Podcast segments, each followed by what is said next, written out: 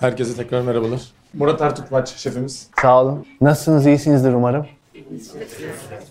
Şimdi e, öncelikle şöyle başlayalım. Stüdyo Pizza'ya tabii ki geleceğiz. Ama o, Murat Şef'in bir e, neredeyse aşçılık eğitiminden kariyeri MSA olarak ilerleyeceğiz. Arada Mikla var, Mama Shelter var, Fransa var. Demin Cenk Şef'in de bahsettiği.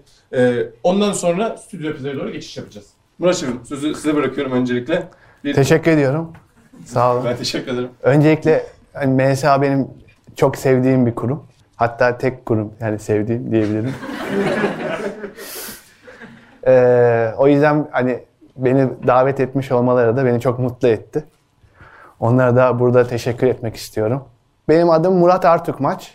Ee, ben e, Ankara'dayım. TED Ankara Koleji'nden mezun oldum 97 yılında. Daha sonra Bilkent Turizm Otelcilik'te 2002 yılında mezun olup e, İsviçre'ye gittim. İsviçre'de Caesar Ritz'te eğitim gördüm. 2003'ten 2005'e kadar. Daha sonra İsviçre'de Fischer-Zunft diye Schaffhausen kantonunda iki Michelin yıldızlı bir restoran vardı. Orada staj yapıyordum. Daha sonra orada kalıp kalıp çalışmaya devam ettim. Fischer-Zunft şimdi e, artık yok çünkü şef öldü. E, o yüzden kapandı. Daha sonra Belçika'ya gittim. Belçika'da e, Conrad Otel'de, Brüksel'de Conrad Otel'de, daha sonra Sofitel yani Akor grubunda çalıştım. Daha sonra Türkiye'ye geldim. E, o zamanlar e, adı Doors grubuydu. Böyle işte restoranları vardı, Kitchenette falan diye belki biliyorsunuz. Daha sonra şimdiki adı yani Doğuş grubuna geçti. E, orada e, bir tane e, şef vardı koordinatör şef Fransız. Ben de onun yanında e, su şefi olarak çalıştım. Daha sonra e, 2010 yılında MSA'da eğitmen şef olarak çalışmaya başladım. MSA tabii benim hayatımda, kariyerimde çok şeyi değiştirdi. E, ben MSA'da çalışmaya başladığımın eğitmen şef olarak 10. gününde Alain Senderans çok önemli bir şefti. Nouvelle Cuisine mutfak akımının yaratıcılarından. Yani ben İsviçre'de falan onun hani öğretileriyle büyümüştüm. O buraya demoya geldi. Burada tanıştık kendisiyle.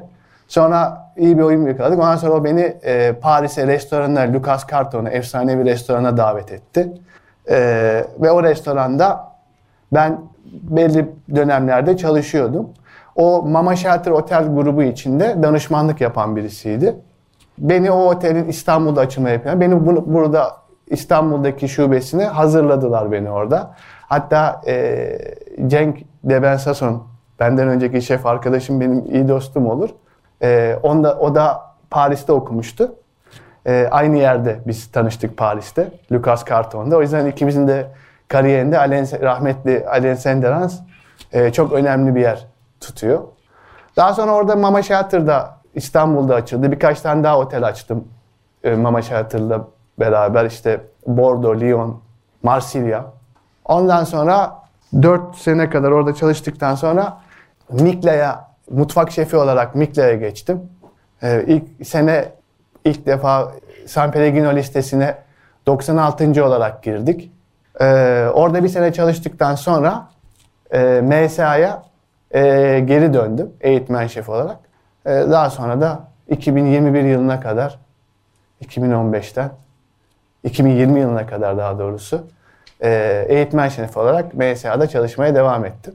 E, bu aralıklarda benim hep hayalim e, ileride değineceğim neden öyle olduğuna. Bir tek bir ürüne ben e, hep yönelmek istiyordum. Bir de bu yani bu uzun kariyerimin içerisinde hep e, üst poz yani üst pozisyonlara geçtikten sonra en sevdiğim şey olan hani mutfakta çalışamıyorsunuz bir süre sonra artık. Böyle o yüzden de benim hayalim hep pideci olmaktı. Küçükken benim Ankara'da büyüdüğüm mahallede bir pideci vardı. O pideciler böyle arkada sigara içerlerdi falan böyle üstleri unlu falan. Ben onları gördüğümde dedim ki ya ben dedim anneme ben ben bu, bir gün böyle olacağım dedim. O beni çok etkiliyordu. O yüzden hep böyle bir tek bir şey yapmak istiyorum ve yeniden mutfağın içinde çalışmak istiyorum. Çünkü esasında işin eğlenceli kısmı bu. O yüzden de bunu kaçırdığımın farkına vardım. Ve zaman içerisinde de birçok trend gördüm. Her şey değişiyor. Dolayısıyla tek bir ürüne yöneldim ve e, pizzaya çok ilgi duymaya başladım. E, Napoli'ye gittim e, 2019 yılında. Napoli'de Enzo Coce diye dünyanın en meşhur pizza maestrolarından bir tanesi var. Yani Napoli'de Maradona'dan sonra en çok tanınan adamlardan bir tanesi. Ee, onun eğitimlerine katıldım. Ayrıca bir ayda onun restoranında staj yapma imkanım oldu. Bunu yaptığımda 40 yaşındaydım. Ama hep hayalini çok da istedim. Yani orada biz hafta içi 700, hafta sonu 900 pizza satıyorduk. Sadece akşam servisi vardı. 7'den 12'ye kadar oluyor bu. Tek bir fırından. Çok geliştirdi beni. Çok ilgimi çekti. Yani açıkçası hani e, pizzanın büyülü dünyasına kendimi e, adadım diyeyim. Benim için yeni bir heyecan oldu. Şimdi de e, Ankara'da e, Studio Pizza diye bir markam var. Benim için çok özel bir yer. Aynı zamanda bir aile apartmanının önünde. Eşimle beraber. E, onu yapıyoruz. Ee, üzerimdeki sweatshirt de Studio Pizza'nın merchandise'larından bir tanesi. Almak isterseniz. Aşağıya aşağıya link bırakıyoruz. Emre Şef aldı. Instagram'a mesaj ederseniz şey yapabiliriz. Şaka yaptım. Yani ya- şaka yapmadım da yani. Diğer Yersiz oldu. Evet aslında bu kadar yani. Şimdi bu noktadayız. Bir sene oldu açılalı Studio Pizza. Murat Şef böyle hızlıca anlattı ama mesela bir stüdyo pizzanın işte Sergin, Turan yani Volkan Evet. falan da orada. Biz sürecin çok içindeydik. Murat Şef'in Evet, burada- Napoli'deyken hani hep beraberce çok denemeler yaptık. Böyle pizzayı geliştirmek istedik. Yani ben e, e, Stüdyo Pizza'da şöyle bir şey var. Yani ben hani böyle bir şeyi sınıflara sokmayı sevmiyorum. Özellikle kendi açımdan. Çünkü benim mesleğim bu zaten. Yani bunu İtalyanlar yapınca illa doğru yapacak diye bir şey yok. E, ben bunu yorumlayabiliyordum. O yüzden ben mesela Stüdyo Pizza'da e, kendi hamurumu yapıyorum. E, ekşi mayalı organik unlar kullandığım kendi hamurumu yapıyorum. Yani benim Napoli'ye gitmiş olmam, Napoliten pizza yapmam gerektiğini e, söylemiyor. Oradaki bizim ustamız Enzo Koçya da bana demişti yani ne olur Murat Napoliten pizza yapacağım deme falan demişti. Çünkü bunu bir zorlamanın bir anlamı yok. Onların yaptığı her şey de doğru değil zaten. Bir de ben hani artık böyle hani var olan bir klasiği tekrar etmek yerine kendi istediğim şekilde e, yapıyorum ve e, bunu da yorumlayabilecek kapasiteye sahip olduğumu düşünüyorum. Yani orada hiçbir zaman yani çok nadir diyeyim. Ekşi maya kullanmazlar. Ben ekşi maya kullanıyorum. Benim için bir hamurda olması gereken en önemli şey ekşi maya. Çünkü bu bir tat derinliği katıyor. Dolayısıyla ben hani kendi pizzamı yapıyorum. Benim için çok büyülü bir şey. Esasında baktığınızda dört tane şey birbirine karıştırıyoruz. Yani un, su, maya, tuz. Ama bu her gün farklı sonuçlar veriyor. Nem oranları, eee, ne bileyim eee, hava sıcaklığı eee, ve organik unlar kullanıyoruz. Daha da vahşi bir hamur oluyor bu o yüzden. Hem ekşi maya hem organik unlar. Öngörülemez bir şey. Yani organik un dediğimin içerisinde askorbik asit olmaz beyazlatmak için. Yani standart olmamış bir undur. Dolayısıyla farklı farklı sonuçlar veriyor ve yaşayan bir şey yapıyorsunuz. Yani siz geldiğinizde Stüdyo Pizza'da bir pizza yediğinizde öğlen 12'de mesela akşam gelin öğle 12'de yediniz aynı hamur bir de akşam saat 8'de yiyin. Tamamen farklı bir şey yersiniz. Kötü anlamda demiyorum ama o çalışıyor ve aromalar daha farklı oluyor. O yüzden e, bu biraz hani stresli bir şey. Dünyada böyle pizza yapan benim bildiğim iki yer daha var. Bir tanesi New York'taki Una Pizza Napoletana. Ee, diğeri de e, Napoli'ye yakın Cagliazzo kasabasında Franco Pepe'nin restoranı Pepe in Grani. Ee, biraz çılgınca bir şey. Zaten bu yüzden ben bir sene içerisinde 3 gün servis veremedik. Çünkü hamur istediğimiz gibi olmadı. Yani kötü bir şey değil ama istediğimiz gibi olmadı. Arayıp rezervasyonları iptal ettik. Ee, öncelikle dediğim gibi hani ben kendim mutlu olmak istiyorum. Yaptığım şeyle gurur duymak istiyorum. Bizim orası bir de açık bir mutfak. O yüzden sevmediğim bir şey yapmak istemiyorum. O yüzden de bu yolu tercih ettik. Bir de kıs, kısaca şuna değineyim. Yani ben İstanbul'dan neden e, burada uzun süre yaşadıktan sonra çalıştıktan sonra Ankara'ya geri gittim. Şimdi şu şeyi açabilir Stefan. miyiz? Stephen Hawking. Burada size hani ben böyle yaptım, siz de ileride böyle yapın falan diyemem. Çünkü e, yani tabii ki doğru şeyleri siz alabilirsiniz. Ama hep bir değişim var. Yani ben 21 sene boyunca bu sektörde çalıştım. Hala çalışıyorum. Ve geçen gün hesap yaptım. 3-4 tane farklı trend gördüm. Yani benim mesela geçmişte hani bu ne biçim iş işte olmaz hayatta olmaz deyip e, tiye aldığım şeyler çok popüler oldu. E, mesela basit bir örnek vereyim. Nusret. Mesela ben burada yanıldım yani. Esasında öyle değilmiş. O çok ciddiyim yani. Bunları yorumlamak lazım. O yüzden e, yani geçmişte böyle oldu. Ben böyle böyle yaptım. Siz de böyle yapın diyemem. Ama sadece bu söze bakarak zekanızı kullanmanız gerekiyor. Burada da yani değişime ayak uydurmak çok çok önemli. Değişime ayak uydurduğunuz zaman bir noktalara gelebilirsiniz. Yani zeka orada belli olur. Yani ben de e, değişime pek ayak uyduramadım. Çok zeki biri değilim herhalde diye düşündüm. Hani zaman içerisinde bunu anladım. Kendi kendimi geliştirmeye çalıştım. Her zaman da kendime bir hedef koydum. Hep yeni bir şeyler öğrenmek. Hep hiçbir zaman oldum demedim. Hep yeni yeni şeyler öğrenmek için çabaladım. Bu da beni biraz zinde tuttu. Ee, dediğim gibi bu işin hani siz şöyle yapın falan diyemem. Ama kendiniz dersler çıkarabilirsiniz. Ee, zekanızı kullanarak. Ama gelecekteki doğruları benim şimdi size söylemem e, çok saçma olur. Hani işte anlatıyorlar işte mesela diyorlar ki işte e, çok zorluklar çekildi. İşte yani böyle ne bileyim işte mutfakta çok işte dövüyorlar. 20 saat çalışıyoruz. İşte öyle oluyor, böyle oluyor. Hani bunları da yaşadım. Ama zorluk çekmediğim de oldu yani. Hani hani, hani öyle bu kadar bunları abartmanın da şeyi yok yani anlatmanın. Hani çünkü dediğim gibi her şey değişiyor. Yani geçmişte benim zorluk çekmem sizin de gelecekte zorluk çekmeniz anlamına gelmiyor. Zaten her meslekte zorluk var. Bugün siz yani ne bileyim bir bankada işe girdiniz bankacı olarak. Atıyorum kafadan. Onun da zorlukları var veya ne bileyim kuaför oldunuz. Onun da zorlukları var. Yani zaten kimse size bunun kolay olacağını söylemedi. Her mesleğin bir zorluğu var. Aşçılık mesleğinde zorlukları var. Tabi bu yıllar içerisinde trendlerle değişen şekilde devam ediyor. Bir girizgah olarak bunları söyleyebilirim.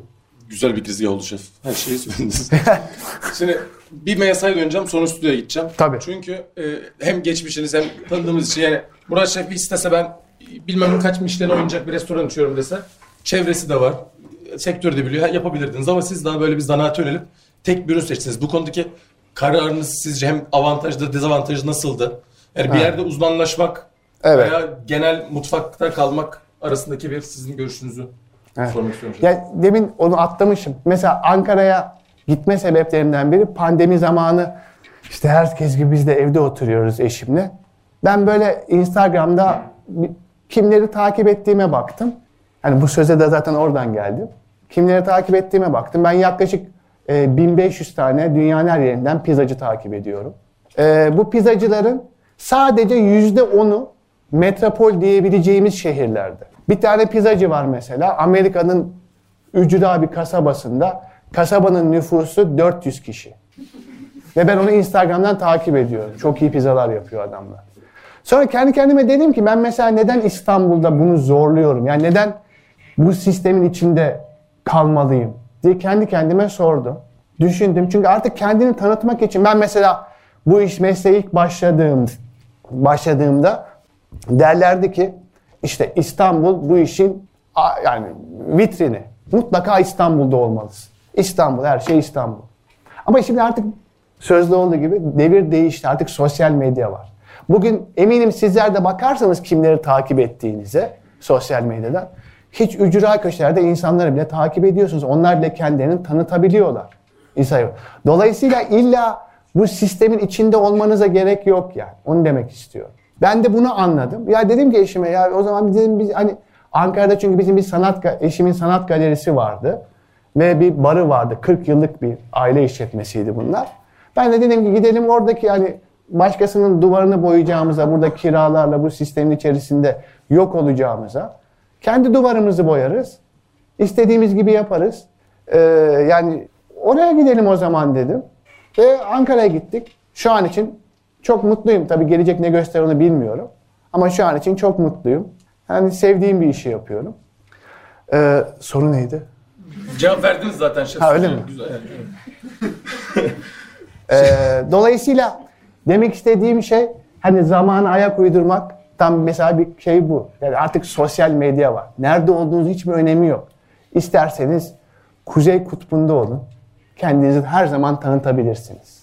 O yüzden teknolojinin getirdiği şeyleri de doğru şekilde kullanmak gerekiyor. Yani şimdi Instagram Instagram'ı böyle çoğu insan bazen ben de yapıyorum belki hepimiz yapıyoruz.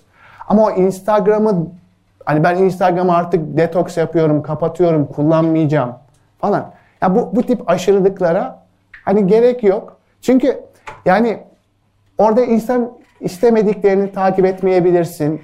Yani mesela ben orada şimdi arkadaşlarım vardı mesela ne bileyim işte rakı kadehi falan koyuyor. Yani ben ne yapayım yani rakı kadehini şimdi anladın mı? Ondan sonra onları seçebiliyorsun, kapatıyorsun. Sana faydalı olacak şeyleri alabiliyorsun. Yani bu sizin elinizde olan bir şey. Yani Instagram'ı illa sevmediğimiz insanlara hava atmak için kullanmak zorunda değiliz yani. Bu sizin tercihiniz olan bir şey. Dünyanın neredeyse yüzde sekseni sevmediği insanlar hava atmak için onu kullanıyor zaten. Ama kendi e, mesleğinizi, kendinizi geliştirmek için ben çok şey öğreniyorum Instagram'da. Ama eğer zamanımı oradaki rakı kadehi veya ne bileyim işte yani arkadaş toplantıları falan o, yani onlara baksam hem zaman kaybederim hem de benim içerimde bir kıskançlık hissi doğurur. Anlatabiliyor muyum? Zaten bu kıskançlık hissi de onu takip etmenizi sağlıyor. Instagram'da hiç siz gördünüz mü mesela hayatı çok kötü olan birinin, çok çalışan birinin, perişan birinin falan. Herkes çok mutlu ve çok güzel hayatları var.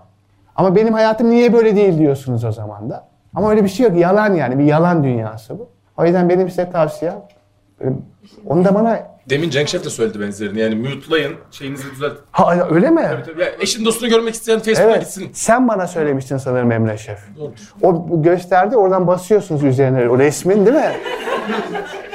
Mute. Sonra çok rahat kafa. Biz Bartu ile Murat Şef'in teknik şeylerini yapıyoruz bazen öyle danışmanlık olarak. Ben ne yapayım? Ben ne yapayım? Rakı kadehini yani. Şimdi afiyet olsun da bana ne bundan yani? Üç gündür hastayım. Yazıyor.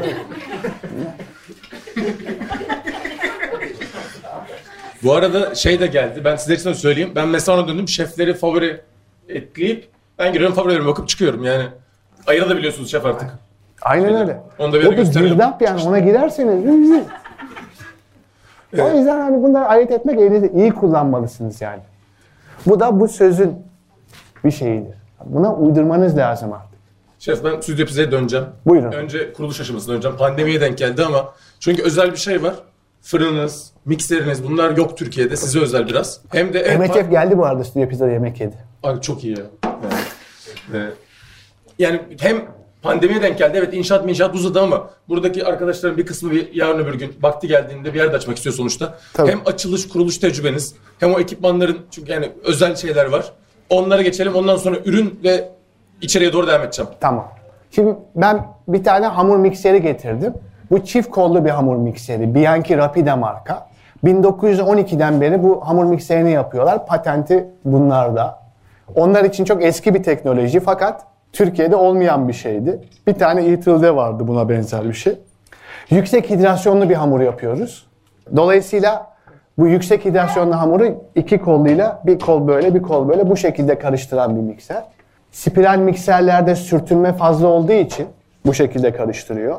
Sürtünme fazla olduğu için e, hamur çok hızlı ısınıyor. Spiral mikserlerde hamuru en fazla 18 dakika karıştırabilirsiniz. Ama çift kollu mikserlerde e, 45 dakika kadar çıkabilirsiniz. Hamurun ısınması ne demek? Hamur ısındığı zaman 26 derecenin üstüne çıktığı zaman elastikiyetini yitirir. Ekmek için bu problem değil. Çünkü ekmeği açmıyorsunuz. Biz hamuru elimizde açıyoruz. Eğer 26 derecenin üzerine çıkarsa ama onu çöpe atabilirsiniz pizza için söylüyorum. Çünkü açtığınızda yırtılır. Elastikiyetini yitirir. Fermentasyon erken başlamış olur. O yüzden de bana uygun olan mikser buydu. Ben İtalya'ya gittiğimde bunu belirledim. Parasını da biriktirdim. Aldım onu.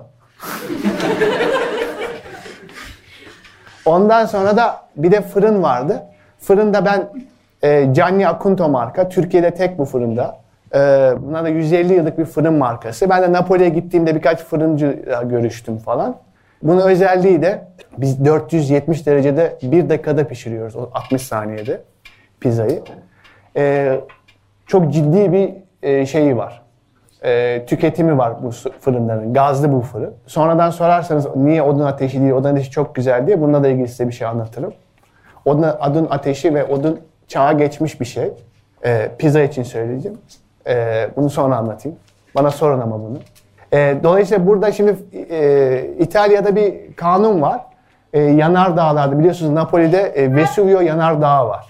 Yanar dağlardaki böyle dökülen o taşları, lav taşlarını bir turist olarak 1986 yılında yasaklamışlar. Onlardan bir tane bile alırsanız çok büyük cezası var yerden oraya gittiğinizde. Sadece bu fırın taşlarını, e, pardon, e, lav taşlarını fırın üreticileri alabiliyor, kullanabiliyor. Dolayısıyla bunun içerisinde e, lav taşları var ve ısıyı muhafaza ediyor. Şimdi biz bütün gün çalıştık 470 derece fırın. Akşam kapattık. Sabah geldik geri açtığımızda zaten 350 derece oluyor. Çünkü ısıyı çok iyi muhafaza ediyor fırın. O yüzden sadece az bir enerji sarfiyatıyla tekrardan istediğimiz dereceyi yakalayabiliyoruz. Mesela buradan da şuna gelebilirsiniz. Bazı ekipmanlara mutfakta çok para verirsiniz başta ama uzun vadede bu size kazandırır. Örnek e, vakum makinesi mesela. Bir şeyi vakumladığınız zaman ömrünü uzatırsınız. Ama çok para verirsiniz başta ama uzun vadede size kazandırır. Yani ben her zaman bir şey varsa en iyisi olsun veya hiç olmasın mantığıyla hareket ettim buraya kurarken. Size de bunu tavsiye edebilirim. Ee, bu arada mekanın tasarımı öyle aklınıza herhangi bir pizzacı gelmesin. Baya çok lüks bir restoranla aynı tasarımda. Yani iç tasarım Evet. Yani orada ben şimdi ben daha böyle e, hani benim eşim mesela çok böyle heyecanlı birisi. Ya ben de heyecanlıyım. O daha çok böyle annem işte çiçek falan seviyor. Ben hiç çiçek falan sevmem yani. Mesela o işte geliyordu işte şuraya çiçek koyalım falan. Ben mekanın e, ünlü mimar Nevzat Sayın'la bizim aynı zamanda Siyah Beyaz Sanat Galerisi'nin de bir tane e, sanatçısıdır kendisi. Çok önemli birisidir. Türkiye'de mimari açısından. Nevzat Sayın'la beraber orayı yaptık. E, ben istediğim tek şey yani görünürde işe yaramayan hiçbir şey olmasındı. Mesela bizim orada tek süs domates konserveleri, ayaş domates konserveleri. Onları da yiyoruz zaten. Yani şimdi orada bir çiçeğin olmasının e, yani hiçbir faydası yok yani. Öyle değil mi? Ne işe yarayacak ki çiçek? Sonuçta orası pizzacı.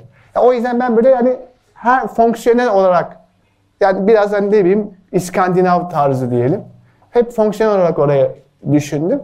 Ve girdiğinizde işe yaraya, işe yaramayan hiçbir şey göremezsiniz orada. Ee, benim için bu önemli. Ee, yapmak istediğim şey de buydu zaten. Şimdi ekipmanda gıdaya bir sorum olacak şef. Buyurun. Hem yerel ürün. Çünkü sizden önce Evet. Maksut Şef de vardı. Siz görmediniz arkadaşlar ama hani sabah vardı Maksut Şef. O çok özellikle e, üründen bahsetti. Evet. İşte ayaş domates dediniz. Neler yapıyorsunuz bu konuda? Unla ilgili de uğraştığınızı hatırlıyorum ben zamanında. E, şimdi e, yani ben yani taşıma suyla değirmen dönmez. Hani şimdi dediğim gibi mesela Napolitan pizza bir klasiktir. Napoli'de doğmuştur ismi üzerinde zaten. Dolayısıyla hani oradan gelen ürünlere bel bağlayarak bu iş olmaz. Dolayısıyla ben de düşündüm ki mesela bize hep ortaokulda falan anlatılırdı işte İç Anadolu bölgesi özellikle Konya Türkiye'nin tahıl ambarıdır diye. Gerçekten öyle. Tahıl var zaten. Yani un var. Zaten Ankara Ayaş domatesin bence önemli merkezlerinden birisidir. Ben birçok domates merkezi gördüm. Domates konusunda da Ayaş çok iyi bir yer. Yani Ayaş domatesi değil, Ayaş domatesi çok az olan bir domatesdir. Yani Ankara'nın dışına bile çıkmaz ama Ayaş'ta yetişmiş olması e, çok önemli. e, domatesi. Çünkü oradaki iklim buna çok müsait. Yani mesela orada Bursa tohumu Bursa'dan daha iyi orada yetişiyor. İklim müsait olduğu için. Bu Ayaş'ı kalkındıran kişi de e, bizim mavi gözlü atamız Atatürk'tür. Atatürk oraya Japonları getirmiş. Japon tohumu domatesler de orada yetişiyor çok iyi şekilde. Dolayısıyla domates de var. Oraya adam o yıllarda nasıl bir zekaysa oraya gelmiş. İşte Japonları getirmiş domates ekimi için. Japonlar orayı seçmişler Ankara bölgesinde. Ee, şimdi domates de var, un da var. Geriye bir tek e, peynirler kalıyor. Peynirlerde de şöyle bir şansımız oldu. Aynı dönemde Napoli Antica diye bir marka var. E, Cosimo Rotolo diye bir peynir ustası var. Eskiden İT'de çalışıyordu. O kendi yeni bir yer açtı falan. Kendi üretimi yapıyor. Peynirleri de oradan alıyoruz. Dolayısıyla bütün bunların hepsini e, kendimiz e, kendi ürünlerimizle çözebiliyoruz. Ürün seçimi bu işteki her şeydir yani. Bana sorarsan. Yani her şey demeyeyim de bu işin doğru ürün bulduğunuzda zaten bu işin yüzde 60'ını belki 70'ini hallediyorsunuz. Yani ben pizzacıyım şöyle bir örnek vereyim size. Hani o fırının içine hani ne koyarsan onu alırsın yani. Çünkü hani kötü bir şey, kötü bir ürün koyup iyi bir bir şey almayı bekleme. Anlatabiliyor muyum? O yüzden zaten hani bizim de yaptığım doğru ürünü bulma kısmı çok önemli. Doğru ürünü bulduğunuzda dediğim gibi bu işin %60'ını %70'ini hallediyorsunuz. Yani ürün her şeydir. Ve hep şöyle düşünmenizi e, tavsiye ederim. Yani sıradan bir hani somon balığı yerine çok çok iyi bir pırasayı tercih ederim. Bence sektörde olabilecek en kötü şey sıradanlık. Sıradan olduğunuz zaman sistemin içine karışıyorsunuz ve orada kaybolup gidiyorsunuz. O yüzden sıradanlık olabilecek en kötü şey. Yani dediğim gibi doğru ürünü bulmak bu sıradanlık e, zincirini kıran bir şey. Bir farklılık yaratmak zorundasınız. Mesela ben Stüdyo Pizza'da, şimdi mesela ben şey hiç sevmiyorum. Hani yazıyorlar ya işte İtalyanca işte Ortolano işte e, İtalyanca isimlerle böyle e, menüler oluyor mesela. Google Translate. Ha, şimdi mesela orada e, çalışan garson arkadaşın da dili dönmüyor. Gelen müşterinin de dili dönmüyor. Ondan sonra eminim siz de yapmışsınızdır. Mesela böyle işte ben bir tane şundan menüden göster, bir tane de bundan alayım diyor. Şimdi bunu zorlamanın gereği yok yani. Şimdi mesela garson arkadaş da ne bileyim hani Yozgatlı falan mesela adam. ben de Yozgatlıyım bu arada. Yozgatlı falan mesela adam. Hani onun da dili dönmüyor. Yani gereksiz yani. Kimse orada İtalyanla ne alakası var ki bunun şimdi yani. O yüzden ben mesela bizdeki pizza ismi sadece margarita var. O klasik olduğu için. Klasik bir reçete olduğu için. Onun haricinde hepsi 1, 2, 3, 4, 5, 6, 7. No diye geçiyor. No 1, no 2, no 3 diye. Toplamda ayın pizzası ile beraber bir de aylık pizzalar yapıyoruz. Aralık pizza, Kasım pizza gibi ismi onun da. Toplamda 8 tane pizza var. Bunlar kendi içerisinde değişebilir. Ama bundan fazlası da hiçbir zaman olmayacak. Yani ben de bu kadar yapmayı biliyorum. Yani basit düşünmek e, faydalı bu konuda. Teşekkürler şef. Ben soruyu unuttum yine. Yine cevapladınız şef. Sonrasında freestyle dönüyor. Tamam. Şimdi restoran hazır. Ekipmanlar geldi. Ürünler bulundu. Bir ekip kurdu Murat Şef. Ekibin de büyük çoğunluğu hala da öyle. Evet. MSA'lı. Evet hiç yani değişmiyor da zaten. BSA'dan arkadaş onlarla ben özellikle ekibi kurarken pizza tecrübesi olmayan insanları seçmeye özen gösterdim. Çünkü yani yani bu yeni bir şeydi. Yeni bir ürün yani. Yeni bir pizza şekli. Ya bunu önceden eğer pizzayı biliyor olsaydı bu kişiler bu şekilde yapamazdık. Çünkü hani e, oturmuş böyle yanlışları değiştirmek veya buna uygun olmayan şey daha zor oluyor. O yüzden ben hiç bu konuda bilgisi olmayan arkadaşlarımızı seçmeye çalıştım. E, gayet de iyi oldu diye düşünüyorum şimdi. Onlar da öğrendiler, işi sevdiler. O yüzden mutluyum yani.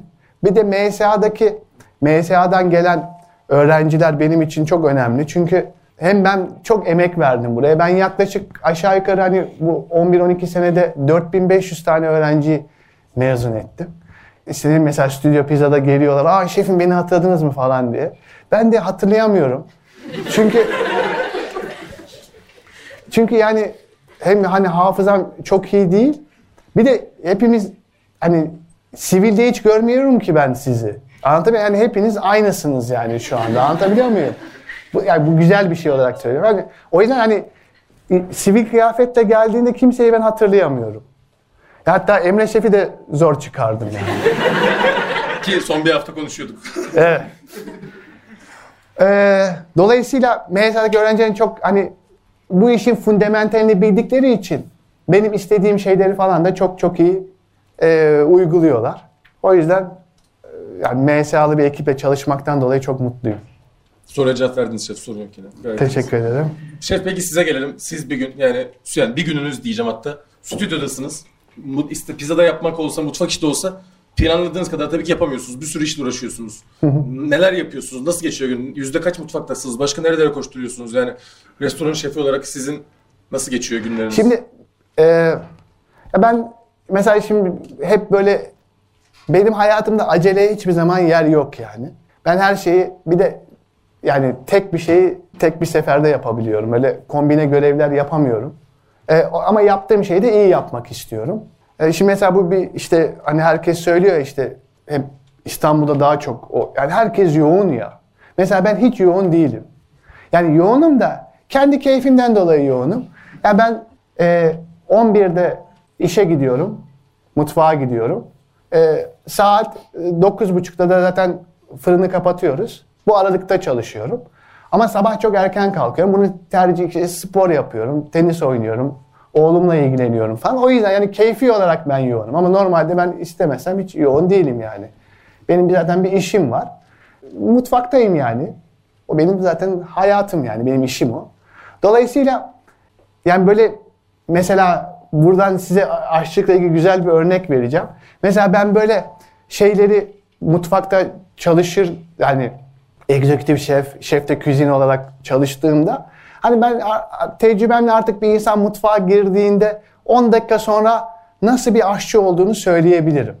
Yani mutfağın içerisinde böyle çok yani işi varmış da böyle etrafa koşuşturanlar falan varsa onlar kötü aşçılardır. Çünkü iyi bir aşçı hiçbir zaman koşturmaz. Yani adama uzaktan baktığında ya bu adam hiçbir iş yapmıyor demelisin yani. Çünkü o adam iyi organize olduğu için öyledir. Anladın mı? Akıllıca çalışmak esastır aşçılıkta. Ama adam eğer oradan oraya koşturuyor, herkesten çok çalışıyormuş gibi gözüküyorsa o adamı e, veya kadını yani oradan ayırmak gerekiyor veya uyarmak gerekiyor. Dolayısıyla yani yaptığımız işlerin hepsini e, sükut içerisinde ve sakinlikle yapmalıyız. E, hani bu bu bir trend, bu da bir trend. Hani yoğunluk şeyi var ya herkes yoğun koşturuyor oradan oraya oradan oraya.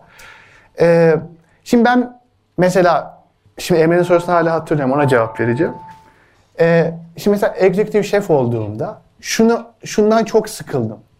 Devamlı bilgisayarın başındayız. Ee, işte shift yazıyoruz. Her, her şeyden de böyle yüzde on, yüzde yirmi biliyorsunuz. Ama ben bu, ofisteyiz yani devamlı. Oraya gidiyoruz, buraya gidiyoruz, işte bir şey oluyor falan. Yani bu benim hayalim bu değildi ki yani. Ben hani ben mutfak ellerimle çalışmak istiyorum. Benim hayran olduğum konu zanaat. O yüzden ben bir zanaatkar olarak kabul ediyorum kendimi. Ve o yüzden öyle çalışmak istiyordum. Ben dedim kendi kendime, ya dedim her şeyden ben yüzde on, yüzde yirmi bileceğime bir şeyi yüzde yüz bileyim. Yani yüzde yüz asla olamaz bu işte de yani bir şeyi çok bileyim. Yüzde doksan bileyim. Çünkü sürekli evrilen bir iştir bu meslektir. Hep kendinizi geliştirmelisiniz. Ee, ben de hani veya şöyle bir örnek vereyim. Hani yatay mimari, dikey mimari vardır ya. Ya executive şeflik yatay mimari. Her şeyden yüzde on, yüzde yirmi biliyorsunuz.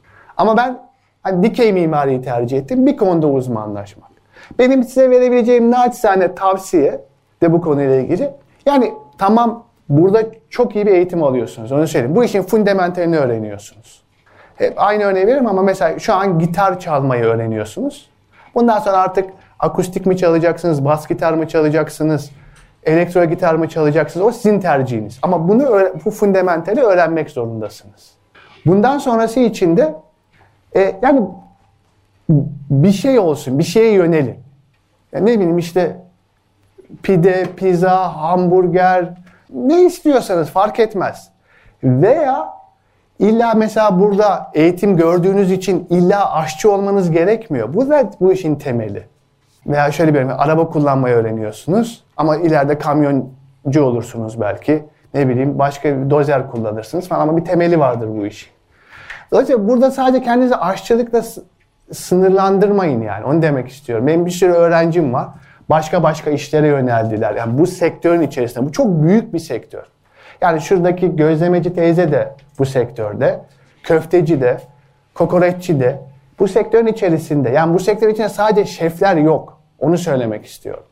Dolayısıyla mesela burada bunu öğrendikten sonra benim öğrencilerim var. Mesela yemek yazarı olan, e, yemek eleştirmeni olan daha doğrusu veya ziraate yönelen bir sürü farklı kol var. Yani basit bir hesap yapalım. Şimdi mesela sizin Türkiye'de şefi olmayı hayal edeceğiniz kaç tane restoran vardır veya otel vardır neyse. Diyelim ki hani yoktur da 30 tane diyelim tüm Türkiye'de.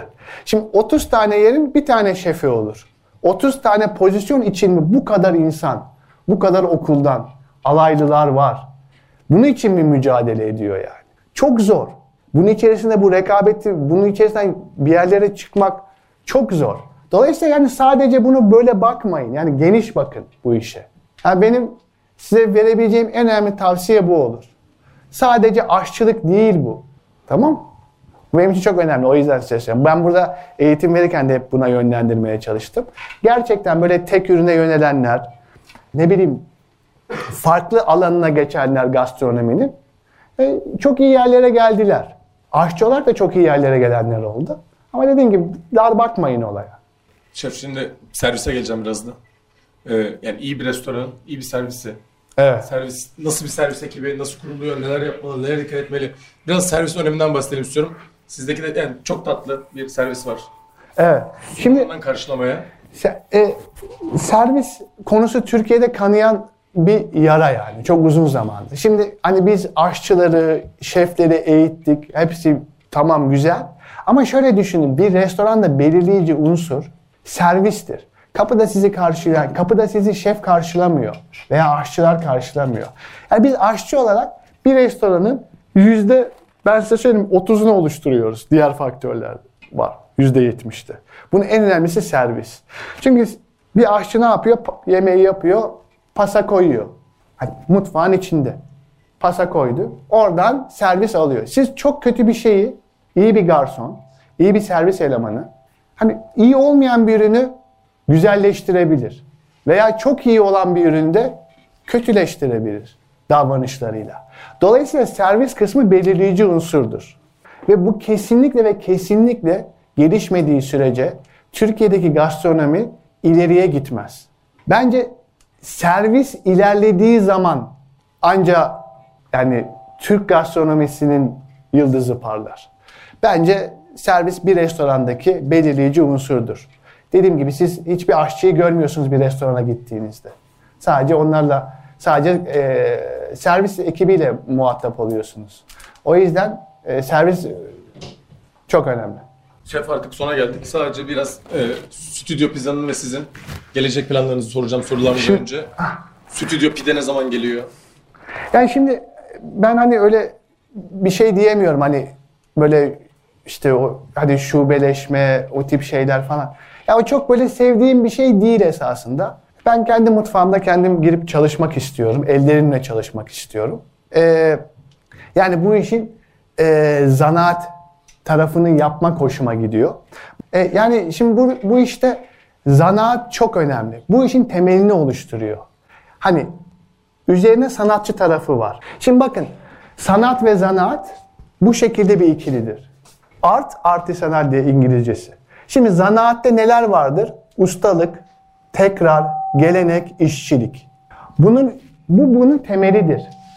Ondan sonra üzerine de ifade, duygusal, yaratıcı. Bunları eklediğiniz zaman bu işin sanat tarafına geçersiniz. Ama zanaat kısmı olmadan sanat olmaz. Çünkü temeli boş olur bunun. Mesela bunu dünyada çok iyi başarmış ülkeler var. Bir numara Japonya veya Fransa. Bunlar zanaat tarafını tamamlamışlar ve üstüne eklemeye başlamışlar. Yani bugün Fransız mutfağı UNESCO'nun koruma altına aldığı mutfaklardan biridir dünyada. Ayrıca mesela okullarda falan e, diyorlar ki işte niye Fransız teknikleri öğretiliyor, niye böyle oluyor? Belki sizin de aklınızda böyle sorular vardır. Ama bu çok doğru. Çünkü bundan daha iyisi yok ki. Yani keşke Türk teknikleri, Türkler bunları yazsaydı, biz de Türk teknikleriyle okusaydık. Ama yok. Dolayısıyla bükemediğin bireyi öpeceksin. O yüzden de bunu örnek almak gerekiyor. Bütün dünyadaki eğitimler bu şekildedir. Sizin öğrendiğiniz gibidir. Bununla ilgili bir şüpheniz olmasın. Şimdi ben Fransa'da çalıştığım için, Michelin yıldızının içerisinde çalıştığım için oradan benim için hep Fransa örneklerini vereceğim. Çünkü bildiğim bir şey. Şimdi bakın mesela sol taraf Fransa, sağ taraf Türkiye. Şimdi bakın orada zanaat tamamlanmış. Üste doğru sanatın üzerine koyuyorlar. İşte hani culinary artistry diye geçiyor. Onu yapıyorlar. Ama biz daha bunun zanaat kısmını tamamlamamışız. Üstüne doğru devamlı gidiyoruz yukarıya doğru. Yani ne yapıyoruz işte? Karidesi e, kadayıfa sarınca yani kadayıfı nasıl yapmayı bilmiyorsun ki. Yani anlatabiliyor muyum? Hani karidesi onu dolasan ne olur yani? O yüzden böyle saçma sapan bir hal alıyor. Burada alt tarafa yani bu zanaata daha çok önem vermek gerekiyor. Yani mesela ben hep hani böyle işte yemek festivalleri oluyor ya. işte Gaziantep bilmem ne festivali onlar bunlar. işte hani devletin parasıyla yiyip içiliyor ya. Şimdi ben oraya gittiğimde böyle herkes orada usta Adana yaparken fotoğrafını çekiyorlar ya. Ben orada her zaman fotoğrafı çeken değil, fotoğrafı çekilen olmayı tercih ederim. Yani zanaatkar olmayı tercih ederim. Çünkü bu işin temeli odur yani. Anlatabiliyor muyum? Antep'e gidip fotoğraflar çekiliyor. Ama mesela celebrity şef anlatabiliyor muyum? Ama onu yapmayı bilmiyor. Yani o sadece o Instagram için. Yani dolayısıyla bu zanaat tarafını yani bir şeyi o saydığım özelliklerin olması lazım. Bir şeyin temelini bilmeniz gerekiyor ki üzerine ekleyin. O yüzden de size diyorum ki her şeyi bilemezsiniz. Bu çok insanın ömrü yetmez. Dolayısıyla bir şeyi seçin. Belki bir şey daha seçebilirsiniz. Hatta Japonların böyle bir araştırması var. İnsan ömründe iki tane şeyde uzmanlaşabiliyor. Bunun üzerine gidin. Keşke her şeyi yapabilsek ama öyle bir insan evladı yok. Dolayısıyla bu işin her zaman zanaat tarafı çok çok önemlidir. Onu yaptıktan sonra üzerine ekleyebilirsiniz. Eklemek zorunda da değilsiniz bu arada. Yüzlerce usta var Türkiye'de bunun üzerine eklemeyen. Eklemek zorunda da değilsiniz. Yani bir adam aynı yerde 30 yıldır kokoreç yapıyor mesela. Çok büyük bir başarı bence. Bence bu tip şeyler yani dediğim gibi servis nasıl bir başarı getirme yani servis her şeyi değiştiriyorsa bu da çok önemli. Temeli öğrenmek çok önemli. Bu da Türk gastronomisini değiştirecek olan bir şeydir. Son olarak da şunu size okumak istiyorum. Bakın zanaatkar hani Türkçedeki kelime anlamı nedir? Zanaatkar sermayeden çok nitelikli emeğini kullanarak, genellikle ellerini kullanarak mal üretiminde bulunan kişi. Bu e, yani zanaatkarın tanımı. Şef kelimesi nedir? Şef kelimesi Fransızcadaki e, pardon Latincedeki kaputtan gelir. Belki biliyorsunuz İtalyanların meşhur unu vardır caputo diye. Kafa demek o hani buğdayın kafası. Kaputtan gelir.